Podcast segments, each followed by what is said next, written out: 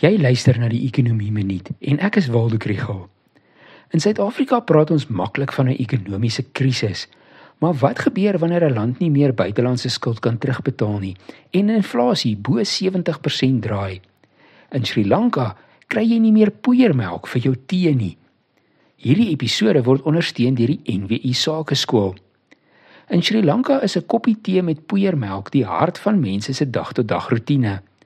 Hulle het jaarliks duisende tonne poeiermelk ingevoer en na raming het net 1% van die bevolking vars melk gebruik.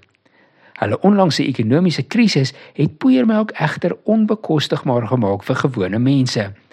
Sommige sê dat as die begroting dit toelaat, sal hulle 'n week se hoender oorslaan vir 'n pakkie poeiermelk. Hierdie is maar een voorbeeld van hoe 'n ekonomiese krisis almal kan raak. Sri Lanka se krisis het begin toe COVID-19 die toerismebedryf tot stilstand gebring het. Slegte beleidskeuses het egter ook 'n rol gespeel. Die regering het belasting skerp gesny, maar aanhou bestee deur geld te druk. Dit het inflasie aangevuur terwyl daar deurlopend meer ingevoer is as wat hulle uitgevoer het.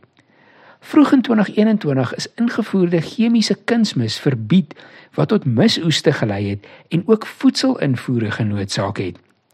Dit het die land se buitelandse valuta reserves opgebruik en eindelik beteken dat hulle nie die rente op skuld aan China en Indië kon betaal nie.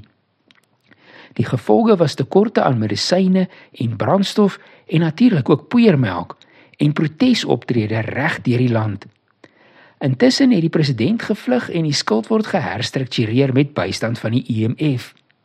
Populistiese beleid is nie net in teorie gevaarlik nie. Dit raak almal tot by jou daaglikse koppie tee.